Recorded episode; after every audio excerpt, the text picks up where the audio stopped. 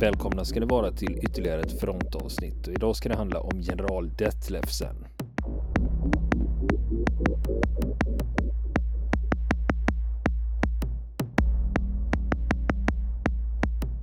Ja du Robert. Vänta lite nu, vad händer nu? Ja. Ja, jag tänkte att det, det är alltid du som brukar inleda och ta, ta ja, vi, hade faktiskt, vi hade faktiskt en lyssnare som hade uppmärksammat det här fenomenet att varje avsnitt inleds med att jag säger Har du Niklas? Så att nu bjussar vi på att eh, ny, rubbar vi lite på det. en ny version här. Ja, skämt åsido. Men eh, ja. varför, ska man, varför ska man frångå ett framgångsrikt koncept så att säga? Uh, har, har, det funkat till 373 avsnitt så borde väl det funka på det 374 också. Ja. Men okej okay då. Okej, vi bjussar på det den här gången i alla fall. Gör vi. Ja. ja, då fortsätter vi serien med, eh, med vår eh, tyske general Erich Detlefsen som tillhörde den tyska arméledningen då och hans upplevelser i, i krigsslutet. Och när vi lämnade honom i förra avsnittet då hade precis den stora sovjetiska slutoffensiven mot Berlin startat den 16 april 1945. Och eh, bara för att göra en snabb recap där då, så, eh, så den sista försvarslinjen framför Berlin vid floden Oder, den utgjordes av en tysk armégrupp, armégrupp Weichsel, som bestod av två arméer, i alla fall på pappret var det, var det arméer. Ehm, det var den tredje pansararmén eh, som låg eh, lite längre eh, nordösterut och inte direkt låg i vägen då för den, för den sovjetiska offensiven. Men den armé som låg i vägen, det var den nionde armén under general Busse som bland annat försvarade eh, de eh, omtalade Selovhöjderna öster om Berlin och eh, även Frankfurt an der Oder eh, där tyskarna faktiskt fortfarande hade kvar ett litet brohuvud på östra sidan av floden. Men, eh, men som, vi, som vi berättade om i, i förra avsnittet, eller som Detlevsen själv berättade om i förra, förra avsnittet under, eh, från sitt stabsperspektiv då, så blev den här fronten under, under de följande tre dygnen fullständigt söndermanglad eh, frontalt och dessutom så hade ryssarna söder om nionde armén eh, börjat en kringgående rörelse. Man hade gjort ett genombrott eh, på en annan armés avsnitt längre söderut, den fjärde pansararmén. Och eh, det hade skett väldigt snabbt och man hade satt eh, sen sina anfallskolonner eh, i rörelse eh, från det hållet i riktning nordvästerut mot Berlin. Och därmed så hotades då en stor portion av de tyska försvararna eh, öster om Berlin av omringning. Eh, och då är vi framme ungefär vid tiden för Hitlers födelsedag, hans sista födelsedag den 20 april 1945. Och, ehm, och eh, Detlefsen han berättar så här om den, eh, den sammanfallande östfronten. Även om det var omöjligt att upprätta en sammanhängande front öster om Berlin igen. Förhindrade Hitler genom sitt personliga ingripande ansträngningarna av generalöverste Heinrichi, befälhavaren för armégrupp Weichsel, att skaffa sig åtminstone ett minimum av handlingsutrymme genom att dra tillbaka nionde armén ur den hotande inringningen och genom att återupprätta kontakten med den dittills ännu inte attackerade tredje pansararmén. I Führerbunkern ville man inte tro att läget var utsiktslöst. Hitler förväntade sig att nionde armén inte bara skulle hålla fronten öster om Berlin utan även stänga till den allt större luckan hos fjärde pansararmén genom ett anfall söderut. Först nu ställdes Berlins stridskommendant under generalöverste Heinrichs befäl. Dittills hade varken han eller nionde arméns befälhavare general Busser blivit informerade om de planerade försvarsåtgärderna för Berlins område. Orsaken till detta kan kanske vara att Hitler av psykologiska eller propagandistiska skäl inte ville erkänna den hotfulla situation som Berlin befann sig i eller ville ställa propagandaminister Goebbels i dennes egenskap av riksförsvarskommissarie för Berlin under en armégenerals befäl. Hur som helst var det ett oförlåtligt misstag att en armébefälhavare inte hade någonting att säga till om i centrum av sitt försvarsavsnitt, i vilket hela det bakre vägnätet löpte samman. Inom de närmaste 48 timmarna förvärrades situationen allt mer. Stora ryska stridsvagnsstyrkor fördes fram söderifrån och väster om motorvägen mot Breslau i riktning mot Berlin. De snabbt hoprafsade enheterna som kastades in emot dem och som bestod av knappt utbildade unga soldater samt erövrade och eh, stridsvagnar och utbildningsstridsvagnar från skjutfältet Kummersdorf kunde bara göra svagt motstånd vid Barut. Vägen till Berlin stod öppen för ryssarna. Den 21 april gick även den ryska armégruppen som omgrupperats från Ostpreussen till Oders nedre lopp till anfall mot den tredje pansararmén. Även om den till en början inte lyckades riva upp den tyska fronten så band den ändå den tredje pansararméns alla styrkor och förhindrade Hitlers plan att förstärka en stridsgrupp under SS Obergruppenführer Felix Steiner som bildats av alarmenheter, lokala reserver och eftersläntrare för att skydda denna armés södra flank vid Oranienburg samt sätta in denna stridsgrupp mot den västerut framryckande fienden norr om Berlin för att återställa kontakten med Berlin. Eftersom man kunde räkna med att förbindelsen med Sydtyskland snart skulle avbrytas hade Hitler föregående dag gett order om att alla parti och regeringsorgan som inte behövdes i Berlin skulle förflyttas till Bayern. I händelse av att det inte längre förekom någon landförbindelse till de tyska trupperna som ännu kämpade i Sydtyskland, Italien, Österrike och Tjeckoslovakien hade Hitler redan i mitten av april 1945 gett order om att bilda två separata ledningsstaber, av vilka den norra skulle ledas av storamiral Dönitz och den södra av fältmarskalk Kesselring.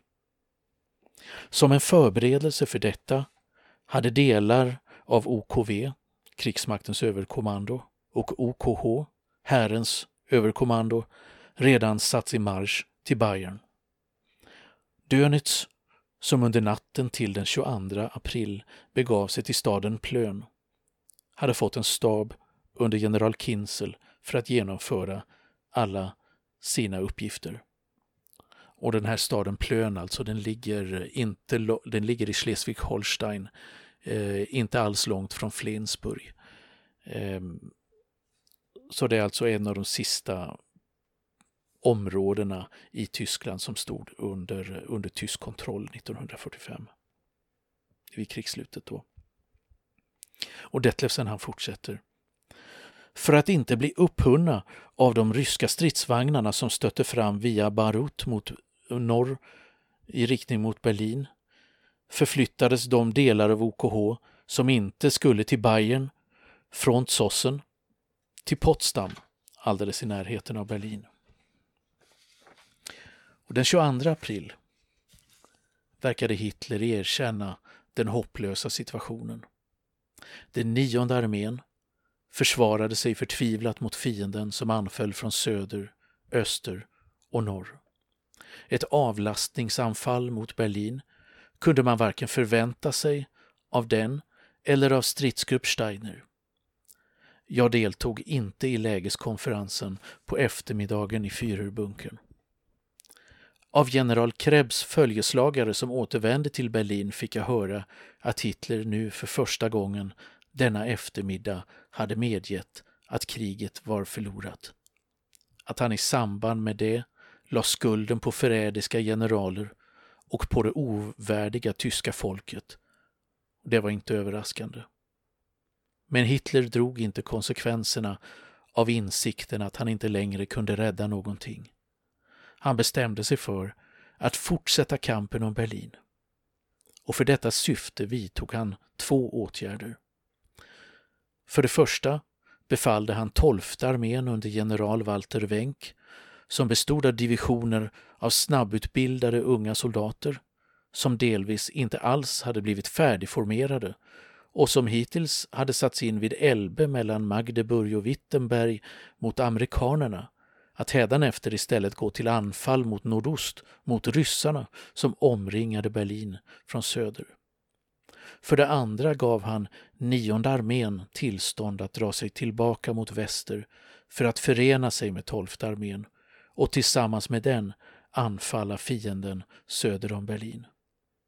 Fältmarskalk Keitel och generalöverste Jordel fick uppdraget att leda de här anfallen medan Krebs skulle stanna kvar hos Hitler i bunkern. Ja, här kan vi avbryta lite grann för det här, det här han skriver då om att Hitler den 22 april plötsligt eh, erkände att allt var förlorat. Det känner vi ju igen från eh, inte bara böckerna om, eh, om som har skrivits om slaget om Berlin utan också från filmen Undergången och den här Adolfs raseriutbrott då han skäller ut allt och alla som sen har använts flitigt eh, på, på nätet för en massa olika, eh, o, olika sammanhang. Som sagt. Och det, ja, det är en riktig klassiker. Det är ju en riktig klassiker. Det finns väl, en del väldigt, eh, väldigt, väldigt roliga mm. eh, versioner av mm. den. Men det ska man veta då att när man inte, om man är, liksom, visst, det var bisarrt i verkligheten när det hände. Eh, och ännu mer bisarrt och roligt blir det när man klipper ut ur sitt sammanhang som man gör då i, på, på när, eh, olika skämtare på nätet. Eh, men man ska veta att det här gestaltningen av det här raseriutbrottet och det som händer de här dagarna och timmarna i bunkern som har gjorts i den här filmen håller sig förvånansvärt nära hur det har skildrats i de historiska källorna. Ehm, så det, det, det, är en av de, de filmer som jag skulle, faktiskt skulle ge väldigt höga poäng när det gäller att hålla sig nära de verkliga händelserna i det här fallet.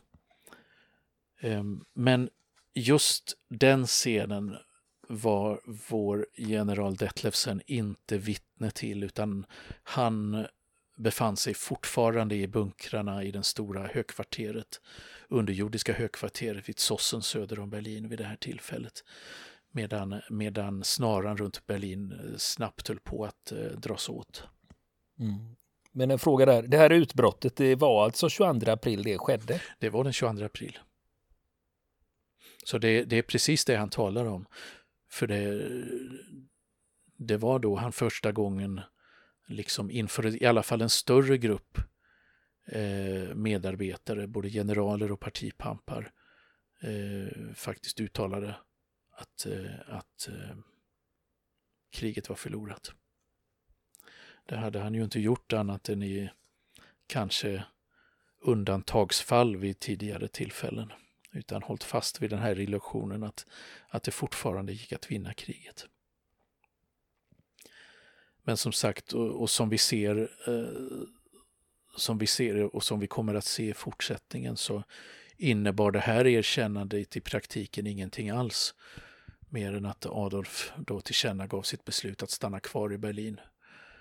Eh, för kriget fortsatte ju och han fortsatte att spela med, eh, med divisioner och armékår och, ar och arméer som egentligen bara fanns kvar på pappret. Och Detlefsen han fortsätter eh, sin skildring den 23 april närmade sig ryssarna som ryckte fram västerut norr om Berlin, Havel ovanför Spandau. Anfall av de från söder mot Berlin och Havel vid Potsdam framryckande ryska styrkorna fångades med stor möda upp på båda sidor om Teltovkanalen. Ryssarna nådde Berlins östra och norra förorter. Klockan 15 den dagen reste jag till den sista lägeskonferensen i Berlin. Gatorna var tomma.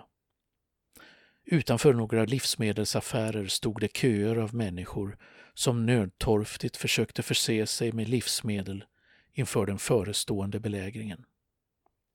Från östra Berlin hördes stridslarm. Rikskansliets trädgård utsattes för häftig artillerield. I själva bunkern fick man intrycket av fullkomlig upplösning. Jag kunde inte märka något av värdigheten som hade varit på plats i just denna situation. Lugnast och mest samlade tycktes mig kvinnorna i bunkern vara. Fru Goebbels med sina barn hade sällat sig till sekreterarna, huspersonalen och Eva Braun, som jag nu fick se för första gången. Älskvärd och vänlig utgjorde fru Goebbels en skamlig förebild. Lägeskonferensen var kort. Jag fick order om att redan samma kväll ge mig av tillsammans med generalstabens ledningsgrupp till området öster om Rheinsberg, och det är en liten ort utanför Berlin, och där ställa mig under OKVs operationsavdelnings befäl. Därefter lät Hitler mig gå. Något själsligt intryck efterlämnade avskedet inte. Under marschen till Rheinsberg körde vi förbi oändliga kolonner av flyktingar som försökte undkomma fasorna under kampen om staden och vilka förde med sig sina nödvändigaste ägodelar till fots, på cyklar, med barnvagnar och på hästvagnar. Bland dem befann sig organiserade flyktingkolonner som varit på flykt ända från övre Schlesien. Sent på förmiddagen den 24 april nådde vi marschmålet. Det var skogsbruket Mentz öster om Rheinsberg. En som stridsledningsplats för en ledningsstab sambandstekniskt väl förberedd samling baracker. Under dagen blev jag kallad till generalöverste Jordel i det närbelägna skogsförvaltningskontoret Neurofen. Med mig diskuterade han inlämmandet av Härens generalstabs ledningsgrupp i OKVs operationsavdelning. Det skulle bildas en ledningsgrupp för hären i OKV som skulle lyda direkt under Jordel och som jag skulle leda. Här var det alltså tal om att eh, OKV och OKH skulle slås samman. Det fanns liksom inte så mycket att leda utan nu var det akuta åtgärder som gällde. Då skulle man samla allt i en, i en enda stab, var tanken. Det var så dags nu? Det var så dags då, ja precis. Generalöverste Jordel tillhörde inte de människor som hade krupit för Hitler. Han yttrade sin uppfattning öppet och ofta med hårda ord. Men det som han sa hade inte nått fram till Hitler. Jodel hade enligt min uppfattning inte hängett sig åt några illusioner om den faktiska situationen. Han såg allt nyktert och klart. Han ingav också det otvetydiga intrycket, ofta på ett nästan cyniskt sätt som han inte ansträngde sig för att dölja, att han i sitt operativa kunnande kände sig överlägsen Hitler. Hitler hade trots detta hållit fast vid honom eftersom han visste att Jodl trots allt lydde honom. På kvällen den 24 april hölls det en lägeskonferens hos Jodl. Även fältmarskalk Keitel deltog, vilken i tron att han genom sin personliga närvaro kunde påverka truppernas stämning på ett positivt sätt, hade besökt 12 arméns divisioner och redogjorde för sina intryck. Kvintessensen av hans redogörelse var påståendet att trupperna inte bara var villiga att strida utan även stridsdugliga. Bakslagen berodde snarast på modlösheten och avsaknaden av vilja hos ledningen på högre och mellannivå. Keitel bevisade med denna bedömning att han inte alls hade någon förståelse för trupperna. De psykiska förändringar som den tyske soldaten hade genomgått under de senaste tolv åren hade gått honom helt förbi. Han jämförde endast med sammanbrottsdagarna 1918 då varje soldat som inte längre ville vara med satte en röd kokard i mössan och vägrade verkställa order. Han visste inte att soldaten i Tredje riket bevarade den yttre formen även om han var slut inombords. Keitel hade låtit sig luras av käcka hedersbetygelser av bortsprungna grupper och pjässerviser. När han mötte dem bakom fronten trodde han på deras rapporter om att de hade dragit sig tillbaka enligt order och anklagade nu deras överordnade för feghet. Eftersom flera truppchefer på telefon hade uppmärksammat mig på att Keitels uppträdande i salongsuniform med marskalkstav hade en negativ verkan på de utmattade trupperna som försvarade sig med sina sista krafter kände jag mig förpliktad att meddela Jodel detta mellan fyra ögon. Konsekvensen av detta var att jag i praktiken knappast behövde visa mig i min funktion som chef för ledningsgrupp Herren i OKV. Alltså, det här är ju en omskrivning för att Jodel blev jäkligt förbannad på honom och, eh, och liksom eh, tyckte att han skulle försvinna ur hans åsyn när han kritiserade fältmarskalk Keitel. Och det här fick konsekvenser också. Eh, direkta konsekvenser för, för var Detlef sen hamnade efter detta. För han fortsätter. På kvällen den 25 april skickades jag av Jodel till storamiral Dönitz i Plön för att orientera honom om situationen. Morgonen den 26 april anlände jag till Plön och rapporterade. Och jag rapporterade följande. Situationen runt Berlin. Ryssarna har trängt fram från söder till sydöst om Brandenburg, söder om Potsdam och Berlins södra förorter. Gatustrider pågår i östra och norra Berlin. Där befinner sig under artillerigeneral Weidlings befäl endast spillror av enheter från nionde armén. Folkstorm, Hitlerjugend, marinsoldater som transporterats till Berlin i sista minuten och stridsgrupper ur luftvärnet. Norr om Berlin har ryssarna stött fram via Nauen mot väster och ända till Havel väster om Potsdam. Potsdam är inneslutet. Styrkor som ska användas för undsättningsoperationen är följande.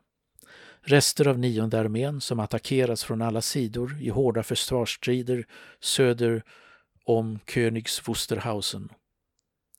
Tolfte armén utsätts för så hårda anfall från söder i grupperingsområdet Niemek-Belzig att man har gått över till försvar. Stridsgrupp Steiner har inte gått till anfall på grund av att den själv utsätts för hårda anfall improviserade kåren Holste som skulle gå till anfall på bägge sidor om vägen mellan Hamburg och Berlin befinner sig själv i försvarsstrider vid Rheinbruch. Hos tredje pansararmén stora ryska brohövden över Oders nedre lopp. I området Böhmen-Mähren, alltså nuvarande Tjeckien, befinner sig fronten fortfarande öster om Brünn och Olmütz, alltså Brunna och Olomouc. Med kontakt av armégrupp Mitten via Riesengebirge till Görlitz där fjärde pansararmén har organiserat en försvarsflank norr om Dresden. Amerikanerna har upprättat kontakt med ryssarna vid Torgau vid Elbe. De har gjort halt vid Freiburger Mulde i Sachsen. De egna styrkorna i Bayern utsätts för anfall norrifrån över Donau nedanför Donauwörth av amerikanerna, västerifrån från Ulmhållet av amerikaner och fransmän. I Italien korsar amerikaner och engelsmän på bred front floden på, har erövrat Mantua och Padua och anfaller Verona. Engelsmännen har nått fram till Elbe mellan Dannenberg och Harburg och anfaller Bremen. Efter att ha lyssnat till min rapport gav amiral Dönitz luft åt sitt häftiga missnöje med Keitel. När landförbindelsen mellan Nord och Sydtyskland nu avbröts såg han tidpunkten kommen då han borde ta över ledningen som överbefälhavare i det norra området. Han reste därför själv följande natt till fältmarskalk Keitel. Men han fick ännu inte ta befälet i det norra området, så mötet blev resultatlöst. Den 28 april bröts den sista muntliga förbindelsen med rikskansliet och den 29 april den sista kontakten överhuvudtaget med Berlin. Från och med denna tidpunkt var radiotelegram det enda sambandsmedlet med Berlin. Fortfarande under de sista samtalen med general Krebs hade jag intrycket att man i Führerbunkern fortfarande inte var på det klara över den hopplösa situationen eller lurade sig själva genom ett grandiost självbedrägeri. I detta stärktes man nog av att delar av general Wencks tolfte armés anfall i riktning mot Berlin hade lyckats tränga fram ända till Ferch i närheten av Potsdam och befria den omringade garnisonen i Potsdam. Men därefter hade krafterna även här tagit slut. Resterna av nionde armén hade förvisso delvis korsat landsvägen mellan Zossen och Barut på sin väg västerut men hade därefter anfallits av stora ryska styrkor och kört fast på grund av oupphörliga ryska flygattacker. Hitler hade fäst stor vikt vid att stridsgruppen under Steiners befäl skulle gå till anfall söderut mot Berlin från Oranienburg. Eftersom Hitler inte längre litade på SS-generalen skulle anfallet ledas av general Holste som på grund av bristande signalförbindelser inte alls kunde göra detta. Eftersom ryssarna under tiden, den 27 april, hade utvidgat sin djupa inbrytning hos tredje pansararmén öster om Prenzlau till ett helt genombrott tvingades Hitler slutligen ställa stridsgruppen till generalöverste Heinrichis förfogande. Förvisso med kravet att den endast skulle sättas in i ett anfall mot sydflanken hos fienden som brutit igenom, för att genast därefter återigen vara disponibel för ett anfall i riktning mot Berlin. Ren illusion. Hitler tänkte enbart på Berlins öde, det vill säga på sitt eget personliga öde. Han tog ingen hänsyn till utvecklingen hos armégrupp Weichsel och de miljontals civilpersoner som flydde mot väster genom Mecklenburg. Men det gjorde generalöverste Heinrichi, armégruppens chef. Han insåg med rätta att ett anfall med så svaga styrkor i ryssarnas södra flank bara kunde binda delar av de fientliga genombrottsstyrkorna men inte förhindra huvuddelen av dem från att fortsätta tränga västerut. Därför genomförde han inte orden och drog tillbaka förbanden ur stridsgruppen vid Oranienburg bakom sin fronts centrala avsnitt i avsikt att gruppera den i de tysk-ryska anfallsspetsarnas väg samtidigt som han utnyttjade de många sjöarna i området för försvaret. Detta ledde till ett mycket häftigt gräl under vilket fältmarskalk Keitel uppträdde på ett motbjudande och vanhedrande sätt.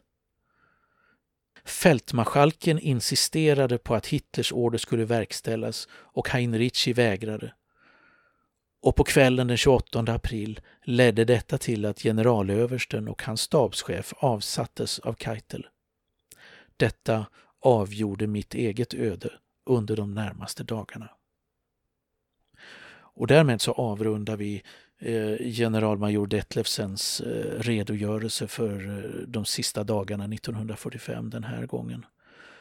Och vi, vi kommer i nästa avsnitt då få följa hans, eh, hans öden eh, hos spillrorna av armégrupp Weichsel under dess reträtt västerut och hur han sedan hamnar eh, hos amiral Dönitz i norra Tyskland igen under en mycket märklig period mellan den tyska kapitulationen och Hitlers död och några veckor framöver tills britterna bestämmer sig för att arrestera den nya tyska regeringen under Dönitz befäl.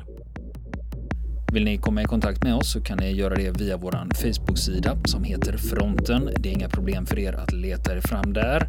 Eller också så mejlar ni på vår mejladress och det är frontenpodcast@gmail.com.